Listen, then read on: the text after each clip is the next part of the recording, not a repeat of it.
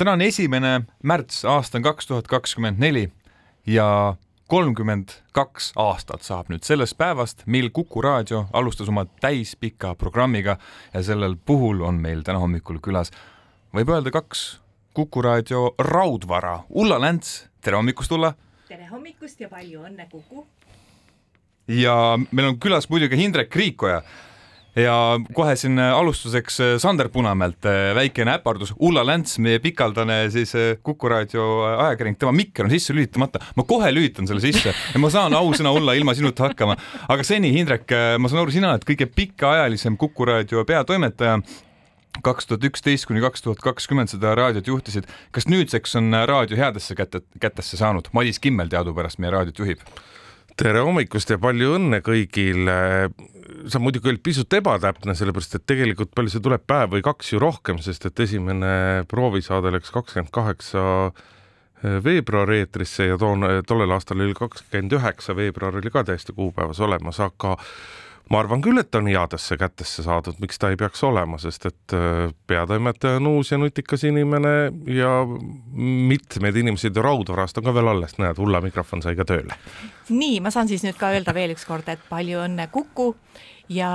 äh, muidugi Indrek on olnud tõesti hästi kaua peatoimetaja, et meil on siin ka lühemaid perioode, aga vaat kui sa, kui te hakkasite rääkima sellest ajast, siis eh, Kuku puhul on üldse iseloomulik see, et inimesed kipuvad siin hästi kaua töötama, nii et eh, teie mõlemad kaks, pange vaim valmis, et siis, kui Kuku saab kuuskümmend, eh, siis võib-olla saate lahkuda. ja ma pean ütlema, et ma olin vist nädal aega Kukus töötanud, kui ma ütlesin, et siin ma võiksin küll vist aastaid töötada. Ma ütlesin selle ausalt enda lähedastele tegelikult kodus välja, et vastab tõele? ma saan täitsa aru sellest, ma saan täitsa aru sellest, ei tõesti on,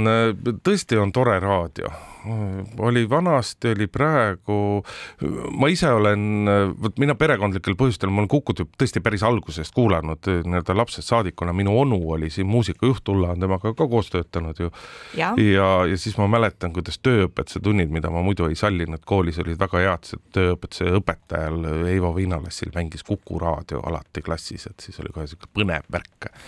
Ulla ja Hindrek, täna tegutsete ju, võiks öelda, kirjutavas meedias. milline on täna teie raadiokuulamise harjumus üleüldse, et kas on ikka Kuku, vanade tegijatena kuulate nüüd Kukut, kas üldse kuulate või kuidas see, kuidas see teil on? no vot, sellega on ju selline lugu, et kui sa tahad kuulata Kuku tegijaid, siis eh, põhimõtteliselt ükskõik, kas sa kuulad Kuku raadiot või Vikerraadiot, sest ma täna kuulasin mõlemat ja arvake ära, kes oli hommikul Vikris hommikuprogrammis Kirke Ert ja Liis Selja Viljamaa. nii et selles mõttes kõlas nagu Kuku ja teid, eh, Kukut ma kuulan sellepärast, et ma hirmsasti tahan teada, kuidas teil läheb. oi kui tore. et teie olete, teie olete ju selle eh, natuke jälle teistsuguse Kuku tegijad, tegijad, aga see ongi see võlu, et eh, Kukus on midagi, mis jääb alati samaks, aga on alati eh, see väike kiiks, mille toovad uued tegijad ja ma arvan, et see nagu hoiabki Kukut elus see on huvitav ja siin hommikuti saadet juhtides ma olen aru saanud kuulajate tagasisidest, et, et mõned Kuku raadio kuulajad ongi kuulanud alates üheksakümne teisest aastast alates sedasama raadiot hommikul, pärastlõunal, õhtul, kogu aeg. Ja neil on teatud selline kvaliteedi ootus, ma olen sellele täitsa pihta saanud. lihtsalt eh, need on jah, need mingisugused läbivad jooned, mis on, eh, uudiseid on Kukus alati ju algusest peale olnud väga palju ja neid erinevaid mõtteid ja erinevaid arutlussaateid on olnud, eh, olnud väga palju, ehk tegelikult nii-öelda ühest servast teise kõlavad reeglina ja enamasti kõlavad need arvamused ikkagi välja, et nii-öelda noh, tõesti ühest servast teise, olgu ükskõik mis teemal ja ja see vaheldus on see, et see, kas siin aeg-ajalt on nagu, kas pooltunni uudised kuskil on või ei ole ja kas mingid teine asi kaob või tuleb, et see ei ole nii tähtis, aga, aga mingid püsivad asjad on, et kui me vaatame teisi raadioid, noh, siin Raadio kaks on eelmisel aastal, eks ole,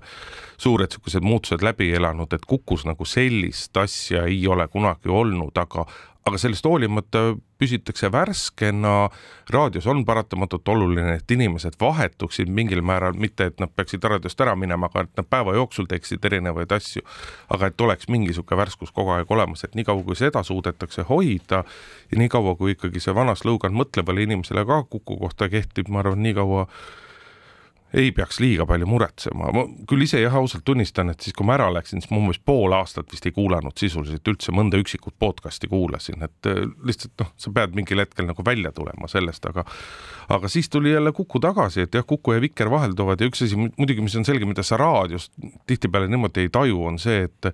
et podcast'id on minu jaoks nagu, nagu jube selgelt kohale jõudnud, sest sa lihtsalt sa päevasel ajal ei kuula, ei saa kuulata, eks ole, kui sa pead muud tööd tegema, aga, aga noh, jumala asju on nii palju, mida tahaks ikkagi kuulata. Hindrek, räägid podcastidest, kas äh, see võikski olla tulevik ja kas ta ohustab siis raadiot ennast ka, ma peangi silmas, et kas raadio hakkab võib-olla unustuse hõlma vajuma ja podcast'id tulevad asemele? ma tulin kaks tuhat üksteist, siis juba küsiti ja räägiti sellest ja podcast'id olid ju tegelikult äh, suhteliselt uus asi, aga nii-öelda Kuku oli selgelt kõige rohkem sellega tegelenud, oli korralik podcast, tolle aja kohta väga korralik podcast'i keskkond ja kõik olemas ma ei ole nii detailselt viimaste raadiouuringutega kursis, aga, aga nii palju, kui ma näinud olen, noh siis me, me jätkuvalt ei saa ju öelda seda, et, et, et mingisugused, et podcast'id nagu väga jõuliselt võtaksid raadio, raadio kuulamist vähemaks, et pigem see on koht, kust on võimalik mingisuguseid inimesi nagu juurde tuua ja pigem nagu nooremat otsa juurde tuua, et mingil hetkel nad kindlasti hakkavad mõjutama, aga noh, raadio sureb tunduvalt hiljem kui ajalehed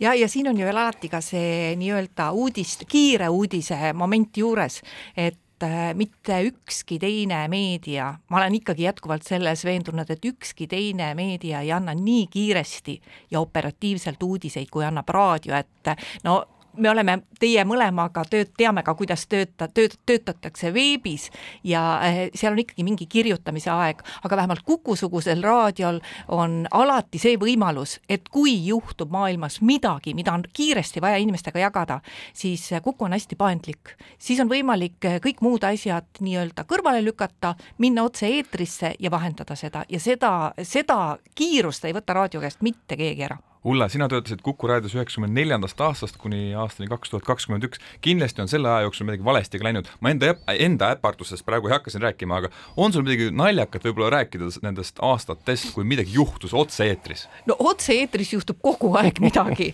et seda, seda ei ole, seda te olete oma nahal ilmselt tunnetanud, otse-eetris juhtub kogu aeg midagi ja vot see ongi otse-eetri võlu. ja kui eh, Kukus on midagi hästi palju muutunud, siis on just see pool, mida kuulaja ei näe ega kuule ei kuule. see on see tehniline pool, et äh, see oli ikka vist enne Indreku aega, kui intervjuu keriti ühelt äh, kasseti poolelt teisele õigesse kohta. muidugi mina ei tea midagi, ei, eks ole, sellest Reporter Macist ega minidiskist ega ma ei tea, millest kõigest veel, eks ole no vot, minidisk oli üks selline asi, kus äh, sa tegid oma loo juppideks ja siis kõik need jupid vahetasid kohta ja sa pidid nagu mehaaniliselt meeles pidama, kuhu nad oma koha vahetasid. et see oli üks väga äh, pisike ajajärk äh, raadio tehnilise poole ajaloos ja õnneks läks väga ruttu, ruttu üle. aga tehnilise poole pealt on ju kõik läinud hästi mugavaks, et, et tegelikult on võimalik üldse mitte eksida, minu teada tänane eetriprogramm võimaldab seda, et sa kolmkümmend sekundit varem eh, kõrvaltoas loeksid oma spiigi sisse, mis jõuab täiesti eksimatult ja parandatult, kui on vaja parandada siia eetrisse. lihtsalt asi on selles, et eh, seda ei ole vaja teha, sest eksimine on just, eksimine on just see, mis teeb eh, raadio mõnusaks. et mulle kohutavalt meeldib, kuidas alati vabandab eetris uudistelugeja Rutt ta ütleb nii toredasti alati, et oi, see läks nüüd küll pahasti ja ütleme uuesti. ja see on see, mis toob selle inimliku poole siia jutuajamistesse. Indrek, kui palju sina enda inimlikku poolt siis raadios näitasid enda tööaastatel siin? Eks ma ikka näitasin, noh, paljukest mina,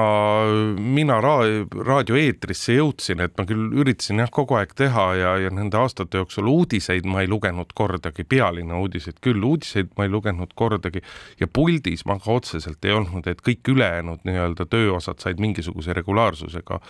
ära tehtud ja, ja noh, üks see raadiotõde, mis eriti hommikuprogrammis on, et, et kui seal on need erinevad punktid, millele üks hea hommikuprogramm vastu, vastuma peab, siis üks asi on see nii-öelda need isiklikud lood, isiklik puudutus, et tekiks, tekiks kuulajal võimalus samastada ja noh, igasugused eksimused ja asjad, noh, need, noh, neid tuleb paratamatult, no ma olen istunud teisel pool lauda on inimene, sa tunned kakskümmend aastat, sa juhatad lõiku sisse ja sul ei tule tema nimi näiteks meedias on jäänud, et mul on väga selged harjumused, kui ma praegugi podcast'e teen, et siis ma kirjutan näiteks nimed alati paberi peale ette, et siis, siis see püsib sul meeles ja noh, selliseid asju, noh, tuleb nagu maa ja ilm, et äh, produtsent ütleb, et tee üks lühike lups, siis sa teed äh, kümme sekundit ja tema ütleb, ma tahtsin tegelikult kolme minutit saada ja noh, mida iganes, kõike juhtub, sest et äh, raadio on elus, raadio peab olema elus, võimalikult vähe linti, võimalikult palju otse-eetrit. lühidalt, soovitus meile siin, Britale ja Sandrile, mis me, kuidas me võiksime nüüd oma siis järgnevaid, järgnevaid nädalaid, kuid siin veeta ja kuidas me võiks tööd teha? no kõigepealt on see, et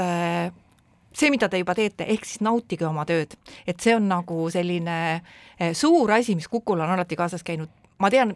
minu meelest ma ei tea mitte ühtegi Kuku toimetajat, kes ei oleks nautinud siin töötamist, nii et nautige eh, ja siis ongi kõik hästi, siis naudivad kuulajad ka seda. olge asjalikud, aga mitte liiga tõsised.